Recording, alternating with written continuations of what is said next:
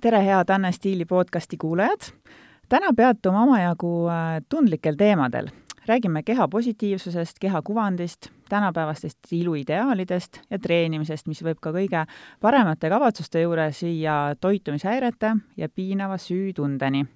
ja stuudios tervitame ajakirjanikku Marjam Võsumetsa, tere! tere, aitäh kutsumast! Ava natuke selle filmi saamislugu ja ma tean, et sind lükkas tegelikult selle filmini, selle filmi tegemiseni isiklik kogemus. et mis kogemus see oli ja mis teed sa kõndisid? on tõesti kinodes üle Eesti äh, film nimega Kehavõitlus ja filmitud on ta tõesti Suurbritannias ja huvitaval kombel ta ongi selline kaasproduktsioon, et filmi tegijad on kõik eestlased režissööri ja produtsendi rollis siis mina, aga tegelased selles filmis ja see temaatika aines on kõik tegelikult Suurbritannias ja, ja Londonis peamiselt me selle filmi äh, siis purki võtsime.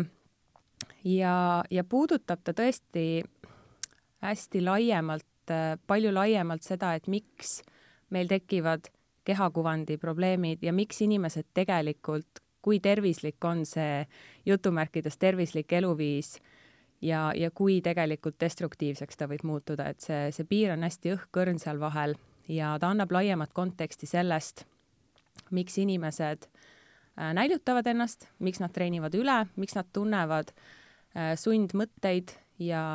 ja sellist ärevust, kui need jätavad trenni vahele, et ähm, selge on see, et seda tuleb uksest ja aknast meile sisse, millised me võiks välja näha iluideaalid nii naistel kui meestel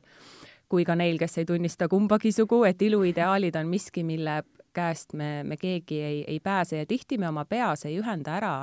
kuivõrd seotud on see väline kest, kuidas me soovime ennast presenteerida, sellega, kuidas me ennast reaalselt äh, piirame ja juhime ja, ja millist nagu distsipliini me iseendalt ootame. Ja, ja võib-olla selle kõrvalt äh, jääb äh, elu paljuski elamata, et see on tõesti miski, mida ma ise aastaid tagasi läbi elasin ja, ja kogesin omal nahal, et, et, et sellest kadalipust peab olema läbi käinud koos saba ja sarvedega, et, et aru saada, mida see inimesega teha võib. aga milline see sinu teekond oli, milline see sinu kadalipp oli, millest sa läbi siis tulid? minu kadalipp tagasi vaadates ma ütlen kohe ette ära, et et see on selline piinlik episood mu elus, mida ma ei kordaks, arvestades seda, et et ma ka nagu ka väga paljud blogijad ja nii-öelda fitnessi staarid äh, siiamaani sotsiaalmeedias teevad, et nii ka mina, ma arvan, see oli aasta kaks tuhat kuusteist, seitseteist, kaheksateist, kui selline võistlusfitness sai Eestis ka tohutult populaarseks, et see laine käis tegelikult globaalselt, ütleme läänemaailmast üle kaks tuhat neliteist, kaks tuhat viisteist, aga selline Fitspo trend, hashtag fitness, hashtag clean eating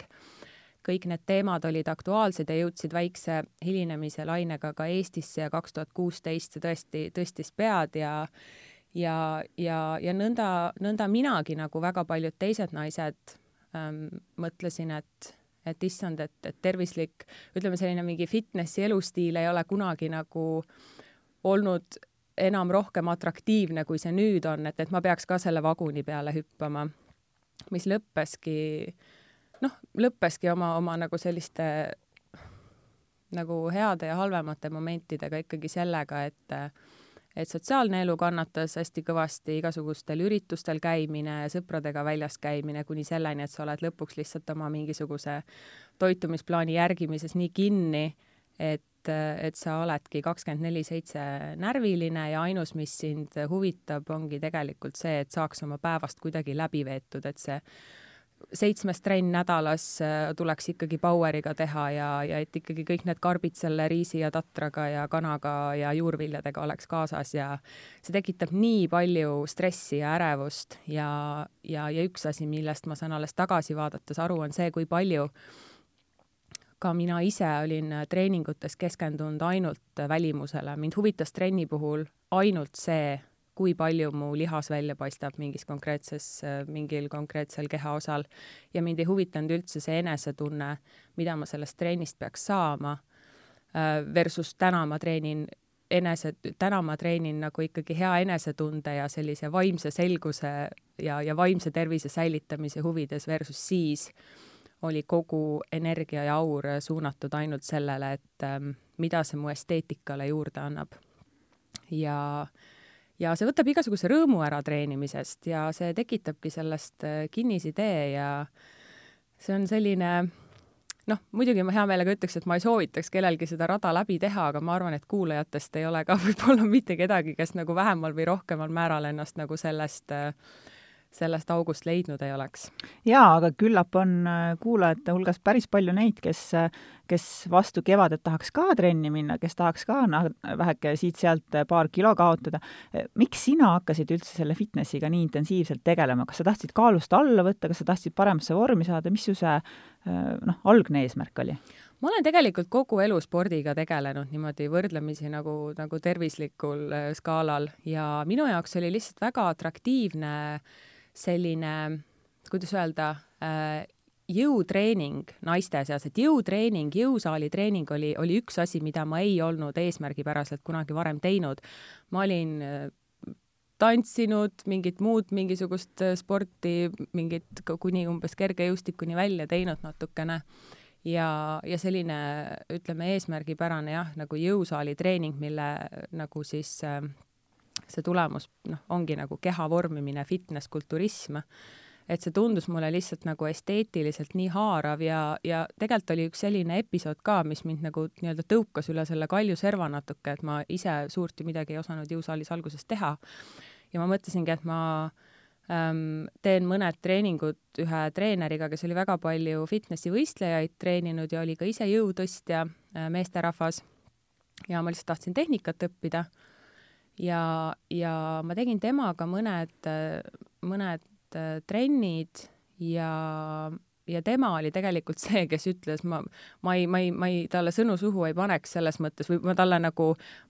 ma ei tea, mis ta kavatsus oli, aga noh, ma võin ainult aimata, et ta ka kavatsus oli endale lihtsalt uus treenitav juurde saada, kes talle raha maksaks. Mm.. aga, aga ta rääkis mulle lihtsalt kõik need trennid algusest lõpuni, kuidas mul on väga hea raam fitnessis mm. võistlemiseks, et kitsad puusad, laiad õlad, pikkus, ta-na-na, mingi lihas umbes, kuidas, kust võiks välja joonistuda. Ja kujuta nüüd ette, et sellist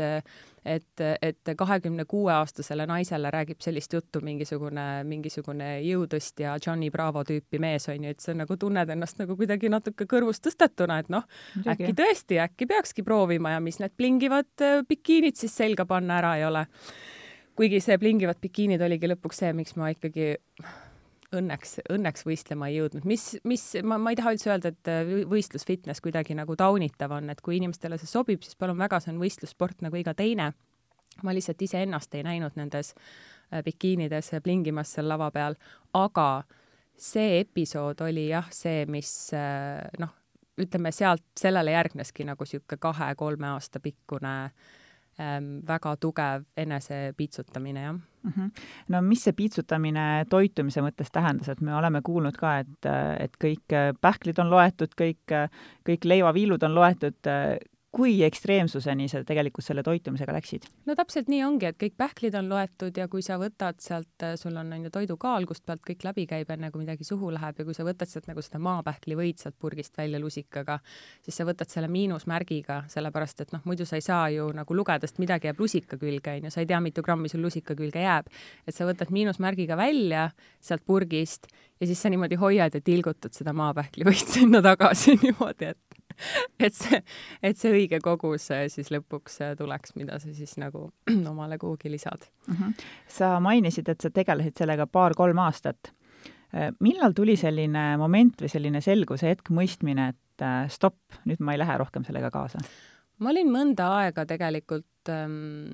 ma arvan, et jah, poolteist, kaks aastat pärast seda, kui ma olin vist tõesti noh, ikkagi igapäevaselt põhimõtteliselt oma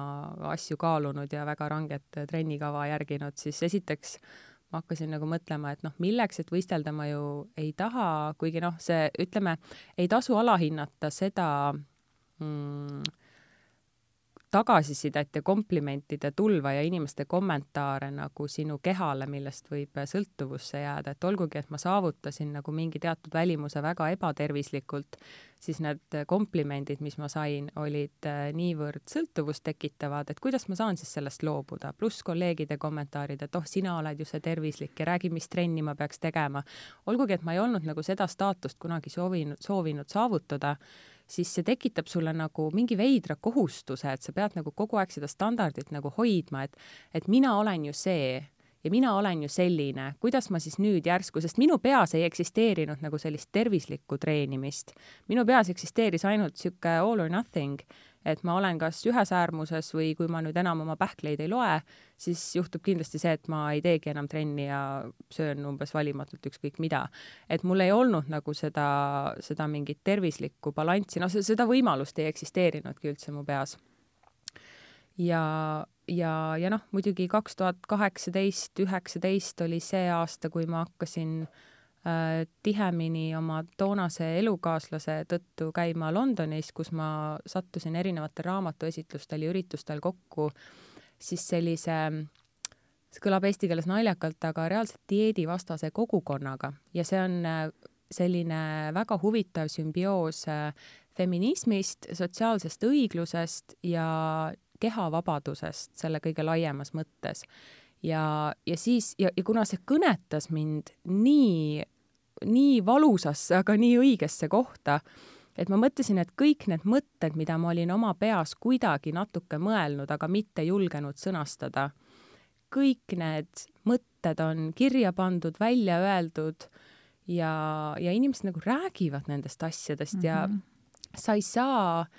sa ei saa suhestuda millegagi või sa ei saa nagu rajada teed otseselt, raiuda kuhugi, kus seda teed nagu üldse ei ole, et ma võisin ainult oletada, et see, mida ma teen, ei ole okei okay,, aga kui kogu su keskkond toetab seda ja julgustab sind jätkama ja sa mõtled, et see ongi tervis, siis sa oled nagu, et noh, okei okay,, et see ongi.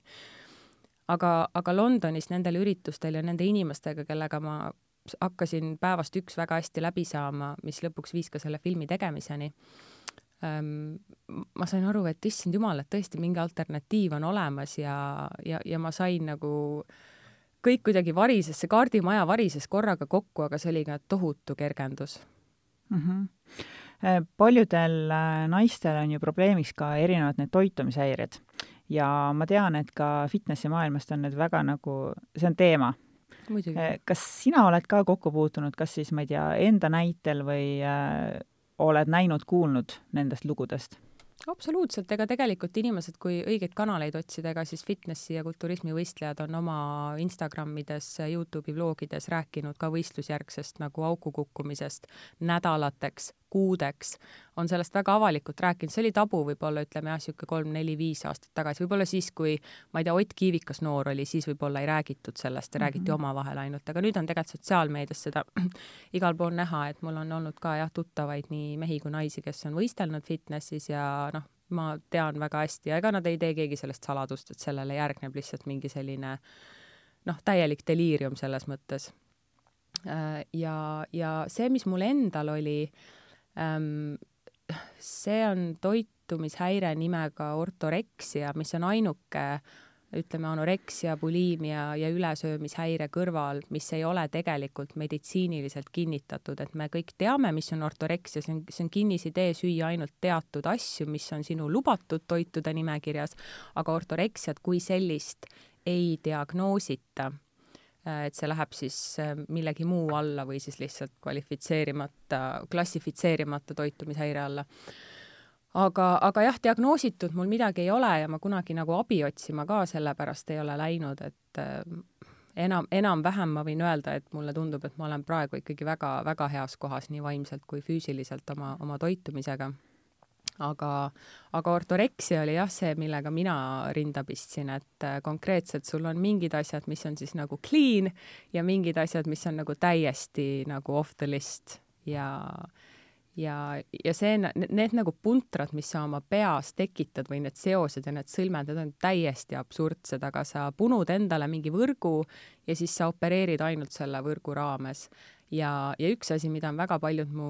tuttavad öelnud, kes on võistelnud fitnessis või kes on äh, lugenud siis oma makrosid kunagi, on see, et kui sa kunagi nagu õpid ära äh, kõikide toitude nagu kaloraaži ja makrotoitainete jaotuse,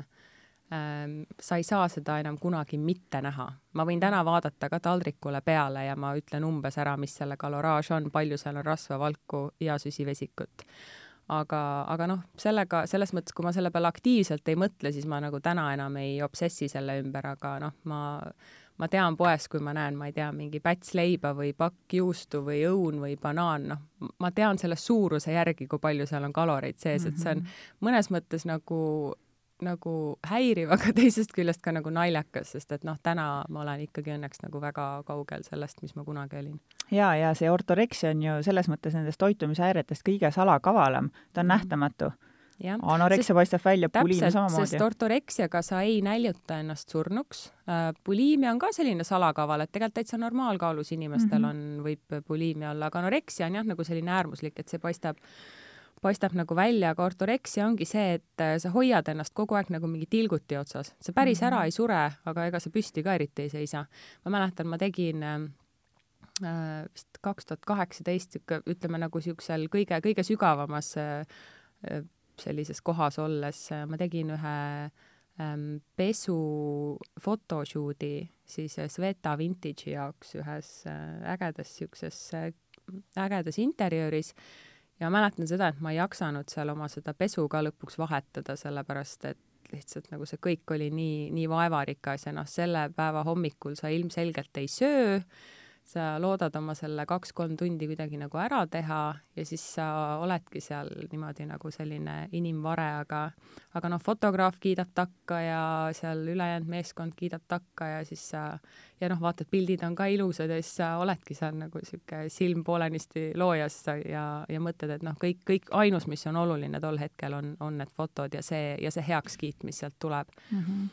et see, kuidas ma ise pärast hakkama saan ja kuidas ma sealt koju rooman, et see ei ole väga mhm. oluline mm. -hmm jah, ja kuigi äh, taaskord veel ortoreksiast rääkides, sa oled ju nii-öelda siis kõike teinud, sa oled olnud tegelikult ju tubli, sest sa oled pidanud äh, toitumiskavast kinni ja olgu see siis fitnesskava või kellegi ükskõik millise toitumisnõustaja mingi toidu, toidu nimekiri, toidukava, millest sa oled kinni hoidnud, on ju? jaa, see distsipliin ja moraliseerimine selle toitumise ümber, et ähm, tegelikult peab nägema toitumishäireid ja kehakuvandi probleeme laiema ühiskondliku probleemina ja seda peab nägema feministliku probleemina, sellepärast et äh, toitumishäire probleem ei ole toit mm. -hmm. toitumishäire on vaimne haigus ähm,, vaimse tervise haigus, mis tuleb ikkagi äh, ebapiisavuse tundest, see tuleb alaväärsuse tundest, see tuleb tunnustusvajadusest ja see, ja paljud nendest asjadest saavad alguse lapsepõlvest tegelikult. et, et, et see kiitus ja see märkamine, mida meile tundub, et me ei saa kas tööl või kodus või või kus iganes, et see paneb meid nagu ja me ei saa seda ju välja öelda, et ma pean dieeti sellepärast, et ma tahan muljet avaldada kellelegi, noh, kuigi minu meelest seda võiks välja öelda, aga inimesed millegipärast ikkagi ei ütle, et see on nagu niisugune noh, inimesed kuidagi loodavad, et neid siis märgatakse rohkem, et nad saavad rohkem tähelepanu vastassugupoolelt ja nii edasi, et ähm, et see on selline nagu hästi niisugune peen värk jah, et üks mu, üks nendest naistest, kes mu filmis oma lugu räägib, ütles ka, et tema oma tipp, tippajal toitumishäire tippajal, oleks suutnud kõigile suurepäraselt ära põhjendada kõik oma ebaterved käitumisharjumused, kõik oma ebaterved salatilehtede lugemised, et tal on põhjendus kõigile mm, -hmm. kõigele, kõik on läbi mõeldud, kõik on, kõigel on nagu jah, et see kõik ongi nagu legit, see peabki nii olema mm. -hmm ja, ja see ongi see, et me, me veename ennast selles, miks me seda teeme ja me veename teisi ja siis lõpuks noh, ega perekond ei ole ka eksperdid ja sõbrad pole ka eksperdid ja nad lõpuks ei oskagi midagi teha. Mm -hmm. ja siis sa seal kulged, kuni paremal juhul sa saad ühel hetkel ise aru, et midagi on valesti ja halvemal juhul sa ei saagi aru. aga, aga see ühiskondlik mõõde on see, mida ma selle filmiga tahan tuua, et mis need põhjused on, kust see alaväärsus tuleb nii meestel kui naistel ja miks me oma kehaga rahul ei ole mitte ühelgi hetkel tegelikult, et, et see, et see surve ja hirm oma keha muutumise ees on väga suur ka äh, naistel nagu mina ja sina, kellele ühiskond vaatab peale, ütleb, et noh, tore, toredad, kaunid, saledad naised, on ju. aga, aga see surve on ikkagi et see, see ei ole see, et kui sa oled ülekaaluline, et siis sa tunned, et sa peaks alla võtma, kui sa ei ole ülekaaluline, siis sa tunned lihtsalt paanilist hirmu selle eest, et sa jumala eest kunagi juurde ei võtaks mm. -hmm. see, millest sa tegelikult räägid, äh, seostub mulle sellise sooviga olla ideaalne. kes on see, kes, äh, kes neid ideaale seab või ütle, ütleb, et sa pead selline olema, et me oleme tohutus äh, sotsiaalmeedia keskkonnas tegelikult elame, et kes, kes ütleb, et et äh, see on ideaal, sa pead olema selline?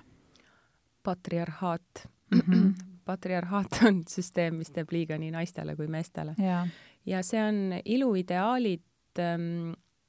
on ju selle eesmärgiga, et on ju avaldada muljet, nagu ma ütlesin, aga noh, ütleme, raskemalt löövad nad ikkagi äh, naisi, see on see objektistamise teema, aga järjest rohkem me näeme, eriti ka noorte meeste puhul, seda objektistamise teemat ja iseendast kui seksuaalsest või atraktiivsuse objektist äh, mõtlemist. Ja ütleme, välimus kui selline ja keha ja nägu ja üleüldse selline stiil igatepidi, et see on ju, aga, aga eelkõige keha, ütleme, on äh, sotsiaalne valuuta, ma, ma, ma ise nagu mõtlen sellest niimoodi, et ähm, et valuuta selles mõttes, et sa saad oma hea välimuse vastu vahetada parema töökoha, paremad sotsiaalsed suhted, sinusse suhtutakse paremini, sind võetakse tõsisemalt ja selle nimel me tegelikult tõmblemegi kõik mm. -hmm. et mõnes mõttes me oleme nagu lõksus ka, et, et nii ongi ja kui me võime oma peas seda tööd teha, et ennast mitte võib-olla piitsutada mingite väga rangete distsipliinide järgimisega, siis äh, tegelikult ühiskond taastoodab seda ja me ise ka taastoodame seda, et äh, meie tähelepanu on nii limiteeritud, et me saamegi, kui me ise ka ju päeva jooksul ja me ise samamoodi, kui ma noh, sa teed järeldusi inimese välimuse põhjal, et sa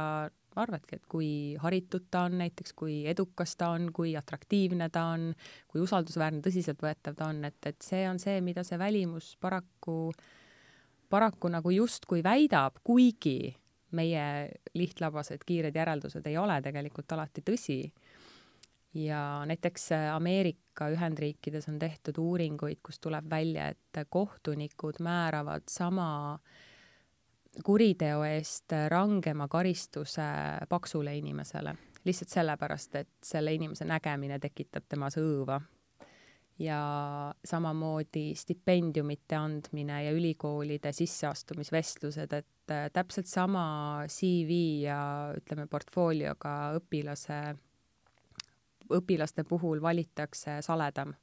ja kui lastele näidatakse pilte paksudest ja peenikestest inimestest ja küsitakse, kellega sa mängida tahad, siis nad valivad selle peenema inimese. ja, ja Suurbritannias on tehtud uuringuid, ähm, mis äh, ma just eile vaatasin üle, et et kuuskümmend viis protsenti lapsevanematest hakkab oma lastele rääkima dieedipidamise vajalikkusest juba vanuses kaks ja kolm. Mm. et, et selline laste kehade niisugune torkimine hakkab ka juba hästi-hästi vara, et noh, ma ise omast ajast üheksakümnendate lapsena mäletan, et noh, niisugune mingi kaheksa-üheksa seal vaatasid, et emme peab dieeti ja mingis ajakirjas kirjutati midagi, aga noh, see oli suht nagu suva aga praegu ikkagi see, see kehakultus ja ilukultus on lihtsalt nii ülevoolav igal pool sotsiaalmeedias, et, et sul ongi kahe-kolmeaastased, kelle kehad ongi kahe-kolmeaastase kehad, nagu millest me räägime, onju. aga selline niisugune nagu näägutamine hakkab juba jah peale, et äh, ma ei kujuta ette, mis nende inimeste peas toimub ja miks nad endale ei teadvusta, mida nad, mida nad teevad mm. -hmm. teisalt ülekaali, kaalulisus on nii Eestis kui mujal maailmas ju ka laste seas äh, suur tervise, nagu terviseprobleem ja murekoht ülekaalulisus on jaa, selle mündi nagu teine külg, et mu käest on küsitud ka, et kuidas siis nagu ülekaalulisusest rääkida nagu niimoodi ähm, nagu austusega mm, -hmm. soovimata siis solvata neid inimesi ja, ja see, et ülekaalulisus äh, teatud punktist on terviserisk, see on fakt, sellele mhm. ei saa keegi vastu vaielda ja see nii on. küll aga äh, see piir, kust see ülekaalulisus muutub tervisele koormavaks, on palju-palju kaugemal kui see, mida me siin oma sellises igapäevaelus äh, arvame. et tegelikult inimene, kes on, kelle kehamassi indeks on üle normi ütleme, kui me kasutame seda arbitraarset skaalat nagu kehamassi indeks, siis tegelikult need inimesed tihti võivad olla väga sportlikud, äh, aga ei pea ja, ja, ja inimene, kes kaalub mingil juhul üheksakümmend, sada kilo, sada kümme kilo, tal ei pruugi olla mitte ühtegi terviseprobleemi. Ja, ja lihtsalt ongi nagu see, et, et me millegipärast nagu äh, samastame tervist ainult kõhnusega ja ainult sellega, et kui su kõhulihased paistavad välja, siis sa oled, on ju, terve. Et, et noh, kui ma niimoodi seda välja ütlen, siis ma arvan, et inimestel võib küll tekkida see, et tegelikult ei mõtle ju nii. aga, aga paratamatult, sest meile noh, müüaksegi, on ju noh, kui ka meedias igal pool seda nagu pilti, et, et selline, ma ei tea, siin on jälle mingisugune sale noor naine müüb mingeid kapsleid, on ju, tervis võrdub see, võrdub välimus, võrdub kõhnus, võrdub noorus mm. -hmm. ja nii ongi aga, aga jah, selle peale võiks ka nagu rohkem mõelda, et keda me siis nagu üritame, noh, sest, sest minu enda üks lemmikarusaam, lemmikarusaamasid, milleni ma jõudsin, oli see, et et ma piitsutasin ennast selle nimel, et avaldada muljet inimestele, kes mulle isegi ei meeldinud. Mm. Siis, siis on nagu, et oh, milleks, miks, ela oma elu. Ja, ja võib-olla mm, mulle endale siin tekkis mõte, et võib-olla tehakse see viga, et sellisele tervislikule ja nagu heale normaalsele toitumisele tõmmatakse kohe võrdusmärk, et see on dieet. et meil on ju kaks äärmust, et üks on siis dieet ja, ja, ja teine äärmus on siis selline e ebatervislik ülekaal jah, kusjuures see dieedimentaliteet on selles mõttes veel salakaval, et ähm, me ei pea oma toitumisest mõtlema kui dieedist. väga palju naisi, oh, ma ei järgi ühtegi dieeti, jah, aga sa lihtsalt ei söö mitte midagi. sa elad ikkagi dieedimentaliteedis, et isegi kui sul dieedil pole nime, aga sa ei söö pärast kuute, su esmaspäev on veepäev äh, ja ma ei tea, siis äh, ma ei tea, hommikuks pead sa sööma ainult putru ja mitte midagi muud, siis see on dieet ja mind ei huvita, et sellel pole nime. et see mentaliteet ikkagi kehtib ja, ja, ja see ülekaalulisuse teema on jah, see tuuakse nagu alati letti, et umbes, et kõik ikkagi peaksid noh, ikkagi nööri mööda kõndima, et muidu tuleb ülekaalulisus, koputab uksele ja ja kui nüüd nagu niimoodi sotsiaalselt radikaalseks minna, siis tegelikult kui keegi tahab olla paks, siis tal on õigus olla paks. absoluutselt. mis nii on. absoluutselt. mm -hmm jah, äh, sellest filmist tuleb ka selgelt välja, et, äh, et kogu see äh, tervislikkuse egiidi all toimuv, ma isegi ütleks ajupesu, on üks, on üks suur äri ja üks suur turundus. et ähm, see on tööstus nagu iga teine, mis siis paneb inimesi ostma teatud tooteid, dieettooteid. -hmm. just, ja teenib inimeste ebakindluste pealt raha mm -hmm. ja hoiabki selles rattas ja mõelda vaid kui palju ärisid läheks äh, pankrotti, kui ühel hommikul kõik naised kogu maailmas ja mehed ka ärkaks üles ja mõtleks, et ma olen oma kehaga täiesti rahul mm. -hmm. dominoefekt.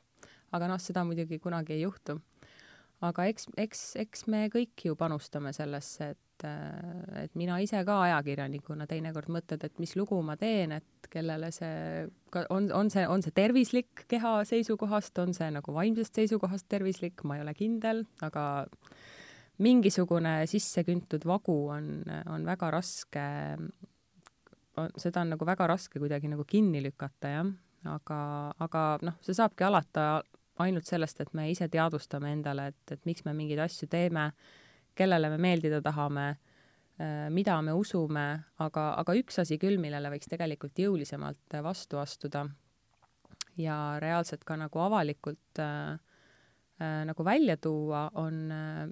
on, on teatud blogijad ka Eestis ja teatud fitnessi persoonid ka Eestis, mitte ka Eestis, vaid ma räägingi konkreetselt Eestist praegu, kelle koht on ikkagi reaalselt prügikastis et kui me vaatame, et äh, mis, mis kampaaniaid, mis tooteid mingisuguse väga lühiajalise kasu nimel äh, promotakse, et kui see film esilinastus PÖFFil ja seal oli ainult kolm seanssi, et nüüd on mul hea meel, et kui see kinodesse tuleb märtsi algusest, on äh, see üle Eesti nähtav, et ei pea seal PÖFFi ukse taga kraapima, et miks ainult kolm seanssi on aga pärast PÖFFi oli minu Instagrami äh, postkast täis noorte tüdrukute ja ka naiste kirju sellest, kuidasmoodi teatud äh, blogijate soovituste järgimine on nende suhte toiduga ja oma kehaga täiesti ära rikkunud ja noh, ma saan neid ainult lugeda ja konstateerida fakti aga see on noh, jah, suu ja käed kinni teipida, muud pole öelda. jaa. Selle filmi tegemisel äh, ma arvan, sa mõistsid, mis asi on see body positive või see keha positiivsus. Eestis me teame seda ainult äh, läbi mõne artikli, läbi tuhandete-tuhandete äh, hashtagide. mis see tegelikult on?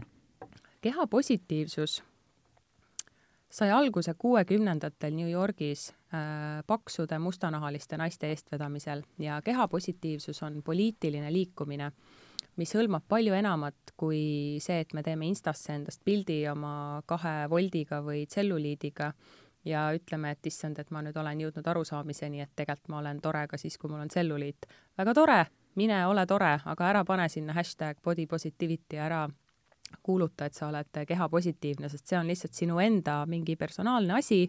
Ja, ja kehapositiivsus on ikkagi radikaalne poliitiline liikumine, mis nõuab tunnustust ja märkamist ja diskrimineerimise lõpetamist marginaliseeritud kehadele tervikuna. sinna alla käivad äh, erivajadustega inimesed, sinna alla käivad igasugused erinevad, ütleme siis, sood, äh, sinna alla käivad äh, mustanahalised, värvilised inimesed, Ähm, mehed-naised, see polegi nii oluline, radikaalselt paksud inimesed ja see kehapositiivsus nagu mässabki selle vastu, et sellistele inimestele ei anta adekvaatset töökohta, neile ei anta kodulaenu, pangalaenu, nad on ühiskonnas lihtsalt nagu paaria rollis oma välimuse tõttu. Ja seetõttu see ongi poliitiline liikumine aga, aga see, kuidas kehapositiivsusest on saanud Instagrami trend, sellest, selle eest me võime taaskord tänada ilutööstust, sest et ilutööstus ei saa endale nii suurt vaenlast lubada, siis ilutööstus niimoodi, niimoodi väga märkamatult võtab selle kehapositiivsuse nagu enda tiiva alla ja, ja teeb sellest mingisugused dušikeelid ja vannipommid ja kehakreemid, mis on väga kehapositiivsed, et siis, et lahjendada see sõnum ära. ja siis me näemegi selliseid saledaid valgeid tüdrukuid panemas pilti endast, kus on nagu üks pilt on see, kus ta tõmbab kõhu sisse, teine pilt on see, kus ta hingab välja ja siis ta arvab, et see on kehapositiivsus, aga see on täpselt see kehapositiivsus, mida ilutööstus tahab, et me näeksime. ja, ja siis ongi sõnum lahjendatud ja võib võib jälle uusi tooteid müüa inimestele mm. -hmm. kõiki neid erinevaid tüpaaže, keda sa mainisid, äh, leiab tegelikult ka sinu filmist. kus sa nad leidsid? sest äh, olgem ausad, teema on tundlik ja sellistest teemadest inimesi rääkima saada on äh, tükk tööd, ma kujutan ette. tead, see film on üldse üks äh, õnnelike juhuste rada, aga tõsi on see, et Eestis seda filmi poleks saanud jah teha just seetõttu, et siin inimesed äh,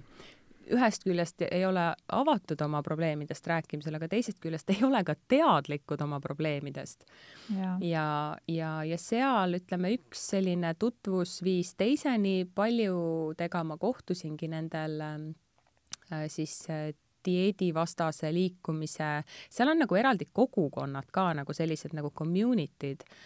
mis tegelevadki ürituste korraldamisega, mis on nagu kehateadlikkuse teemal, seal on mingeid workshop'e, seal on mingeid tantsutunde, erinevaid mingeid raamatute esitlusi, õhtusööke, näiteks ühe tegelasega seal filmis äh, see mees, kellesse siis kõik Eesti neiud ära armusid, kui see film, sest tema oli ainsana Suurbritanniast PÖFFil ka kohal mm. ja ta on seal filmis siis nagu räägib nagu mehe seisukohast seda, et kuidas tema jõusaaliga nagu siis äh,, kuidas see tema kinnisideeks muutus. ja temaga, Roori on ta nimi, siis Rooriga ma tutvusin äh, ühe raamatu esitlusel, mis oli ühendatud õhtusöögiga. minu meelest Eestis võiks kuidagi nagu natuke šnitti võtta ka sellest, et igast raamatuesitlused ja üritused võiks olla nagu palju kuidagi dünaamilisemad üritused, et, et, et soosida selliseid kontaktide tekkimisi, aga ma käisin ühe raamatu esitlusel, mis oli tema sõbranna raamat, äh, siis kui sellest, kuidas tema nagu dieeditamise lõpetas. Ja see sõbranna oli pärast seda teinud koos mingite tuttavatega õhtusöögi ja siis oligi mõeldud niimoodi, et alguses on raamatu esitlus ja pärast siis kõik, kes on ennast sinna kirja pannud, saavad nagu õhtusöögi lauas arutada oma kogemusi. Ja, ja Roori sattus istuma täpselt minu vastu ja hakkas mind ise alguses küsitlema, et kes sa oled, mis teed siin, kust sa tuled? Ja ma ütlesingi, ja me olimegi parasjagu filmimas tegelikult äh, seda filmi seal ja, ja ma ütlesin, et kuule, et, et sina oma looga peaksid ka seal osalema, et ta mingi davai, homme, kus kohas, mis kell? Ja siis me tegime ja siis ta tuligi Eesti saatkonnas, me tegime selle intervjuu ja siis no selles mõttes täiesti, täiesti juhuslik, juhuslik tutvus, aga, aga paar inimest ma leidsin ka niimoodi, et ma ütleme, sellele eelnes ikkagi ka väga pikk eeltöö, et ma ennast selle teemaga põhjalikult kurssi viiksin ja ma kuulasin ja kuulan siiamaani väga palju UK podcast'e. Ja üks naine oli ühe podcasti külaline ja kui ma kuulasin tema lugu, see naine on äh, puudega, ta on äh, lesbi ja tal on, ta elas kunagi viis korda suuremas kehas kui praegu mm., ehk siis tal on, äh, tal tuvastati geneetiline haigus, mistõttu ta ei saa enam süüa, sest et kõik ta organid fail isid. Ja siis ta võttis hästi palju alla ja tema lugu on nagu see, kuidasmoodi siis, kui ta oli hästi suur, kuidas teda koheldi siis ja nüüd, kui ta paneb riided selga, ta näeb välja nagu hästi kõhn inimene, ta on hästi kena näoga. Ja ta ütles, et ta lihtsalt iga päev äh, mõtleb, et kui ma oleksin see, kes ma tegelikult olen, siis te ei suhtleks umbes keegi minuga teda, tema oli ühe podcasti külaline ja kui ma kuulasin tema lugu nagu, kui palju temast saab kokku erinevaid neid äh, intersection eid selles mõttes, et ta on nagu fat, ta on disabled, ta on queer äh,. ja kui ma teda kuulsin, siis ma mõtlesin, ma ei tea, kust interneti põhjast ma selle inimese välja kaevan, aga õnneks see polnud väga raske ja ma kirjutasin talle, et ma tahan, et sa oleks selles filmis ja temaga me saime ja siiamaani tänase päevani suhtleme ja saime isegi, ma ütleks, et äh, sõpradeks, et äh, see oligi noh, täiesti nagu seinast seina on, on need, kuidas, kuidas ma need inimesed leidsin, aga ütleme nii, et tegelikult Suurbritannias neid ei ole ka liiga raske leida mm. -hmm. ja mhm. teine asi, mis mind paneb imestama, on see, et et Suurbritannias nagu see aines, see vajalik nagu aines vedeleb igal pool äh, nagu laiali ja aga, aga sellest ei olnud filmi tehtud ka seal varem. ja need inimesed, kellega ma seda filmi tegin ka, ütlesidki, et nagu, et et kus see film üldse varem on olnud ma mõtlesin ise ka, et, et et tõesti, et see on film, mida ma oleks ise tahtnud näha viieteistaastasena juba, nii et siis absoluutselt kohustuslik vaatamine. absoluutselt ja tuleb, tuleb siis ise teha tagantjärgi. jaa. kas see naine, kellest sa rääkisid, on äh, see naisterahvas, kes filmis oli ka ühes selles kohvikustseenis, kus ta ostis just, kooki? just, oli kohvikustseenis, kus ta ostis kooki ja kuidas talle hakkas seal ähm, äh, ettekandja rääkima, et äh, noh, küsis, kas te soovite kooki, ta ütles, et ei, et ma hetkel ei soovi, et ma võtaks ainult kohvi. Ja ta ütles, et siis ettekandja hakkas talle rääkima, et issand, kui te vaid, kui te vaid teaks, kui palju need paksud inimesed tellivad kooke ja magusaid jooke ja kakaod ja igasuguseid asju vahukoorega, issand, kui te ainult näeksite neid inimesi. ma ei räägi sellistest inimestest nagu teie, teie kindlasti hoolitsete enda eest, aga kui te vaid neid pakse näeks ja siis see naine ütleb, et ma samal ajal mõtlesin, et kui ta oleks mind näinud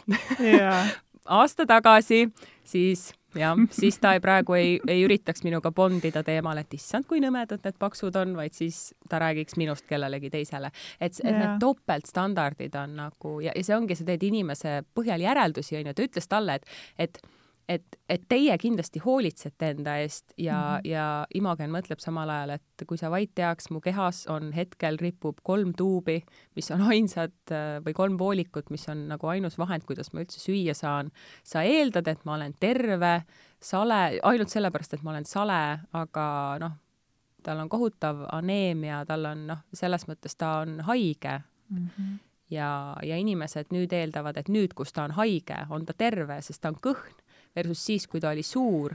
noh, ta tegelikult, tal ei olnud nagu selliseid tervisehädasid. jah, inimesed annavad hästi, hästi palju hinnanguid teadmata, teadmata tegelikke lugusid. just, just, jah mm. -hmm no sa oled varem filmist kõneledes kasutanud terminit ka vaesuse paksus. mis asi see vaesuse paksus õieti on? Vaesuse paksus oli Eesti meedias ka mõned aastad tagasi terminina kasutusel ja minu meelest me peaks sellele palju rohkem tähelepanu pöörama. Et, ähm, et, et, et, et noh, hästi lihtne on mõelda, et inimesed, kes on paksud, et neil puudub enesekontroll, aga tihti me ei mõtle selle peale, kui palju nagu selliseid sotsiaalseid takistusi on inimestel, kes on näiteks üksikvanemad, kes elavad kusagil äärealal, ongi, ma ei tea, sissetulek on väike, neil on võib-olla kaks või kolm töökohta, võib-olla nad käivad öötööl äh,,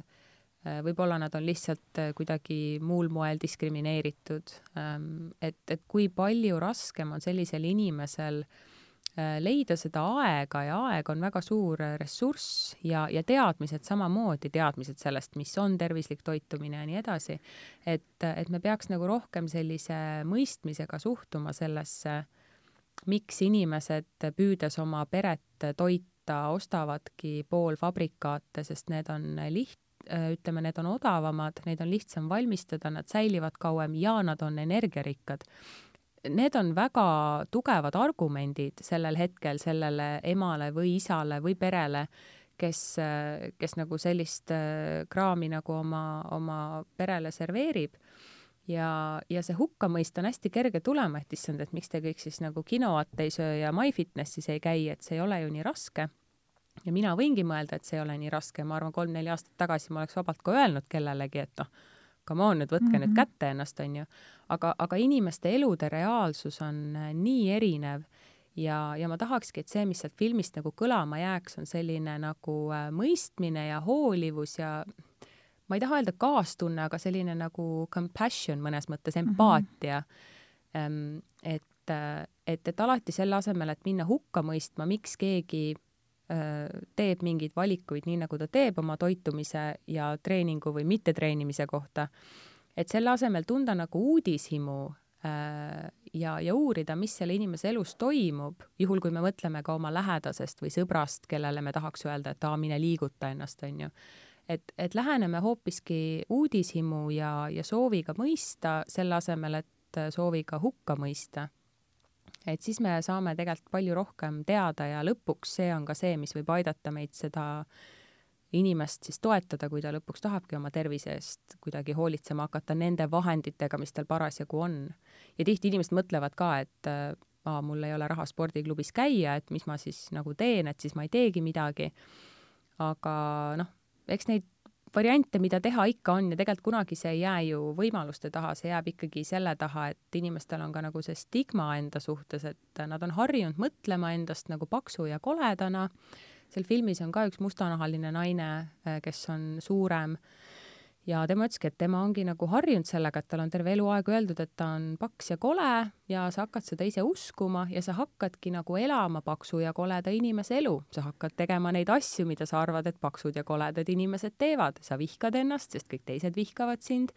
ja sul ei ole oma keha suhtes mitte mingit austust et see siis üldse kuhugi trenni või jalutama viia, sest et sa oled paks ja kole ja sa teed neid asju, mida paksud ja koledad inimesed teevad, ehk siis istud diivani peal ja sööd krõpsu. sest et ühiskond on sulle seda kogu aeg öelnud ja siis sa lõpuks äh, võtad selle omaks. jaa, ja samas, kui sellel samal naisel oleks kaks sõbrannat, kes ütleks, et kuule, lähme nüüd äh, käima kaheks ja, tunniks, siis just. ta käiks kaks tundi just sellepärast, et see oleks temale nagu selline positiivne impulss mm -hmm. esiteks keegi vahelduseks ei ütle sulle, et sa oled paks ja kole ja teiseks keegi tahab sinuga midagi teha ja mm, -hmm. ja ma arvan, et äh, need noh, inimestel ei ole ju midagi nagu liigutamise vastu, küsimus ongi nagu see, et millised nagu assotsiatsioonid meil sellega tekivad ja tihti ka kehalise kasvatuse tund on paljudel inimestel kooli ajal olnud see, mis nende suhte kuidagi äh, treenimisega muudab selliseks, et aa, see on mingi kohustus ja ma pean üle kitse hüppama ja siis kukud sealt poomi pealt alla ja korvpall ei meeldi ja et, et kuidagi nagu ma loodan, ma ei tea, minu keskkoolist on nii palju aega möödas, et ma loodan, et see on praeguseks muutunud, et see, et, et see ei peletaks inimesi spordi juurest eemale jaa, no mida kogu see mm, filmi tegemise protsess rohkem kui kaks aastat on sulle endale andnud oh,? tohut-, tohutult palju suurepäraseid ähm, inimesi mu ellu mm -hmm. ja ka, ja, ja, ja mõistmist äh, ma, ma ei taha kõlada nüüd siin nagu mingi Miss Universum, et rahu kõigile maailmale aga, aga ma arvan, et see, kuidas ma asjadest mõtlen ja see, kui palju see on laienenud nagu teistesse eluvaldkondadesse, et jah, minu jaoks hakkas see lumepall hargnema või see lahendus hakkas tulema sellest hetkest, kui ma sain aru, et ma olen oma fitnessiga mingis, mingis halvas punktis. aga, aga see, me ei saa seda nagu isolatsioonis vaadata sest et see mõjutab noh, kõike elu nagu ümberringi ka ja, ja see on mõjutanud kuni, kuni minu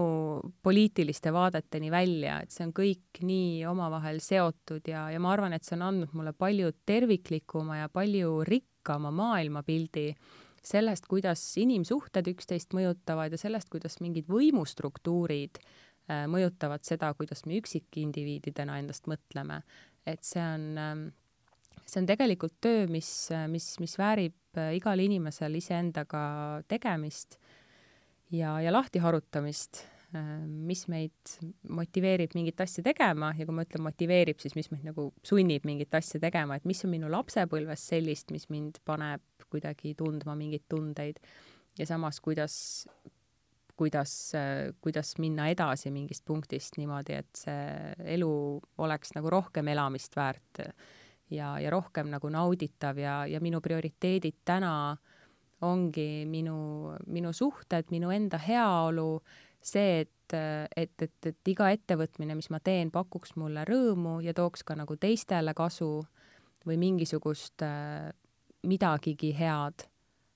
ja, ja, ja mu prioriteedid on tõesti hoopis teised ja, ja, ja see on, see, see võimaldab mul ela, elada nagu palju sellist ähm, äh, rahuldust pakkuvamat elu ja ma arvan, et see on suuresti selle filmi tegemise teene. jaa.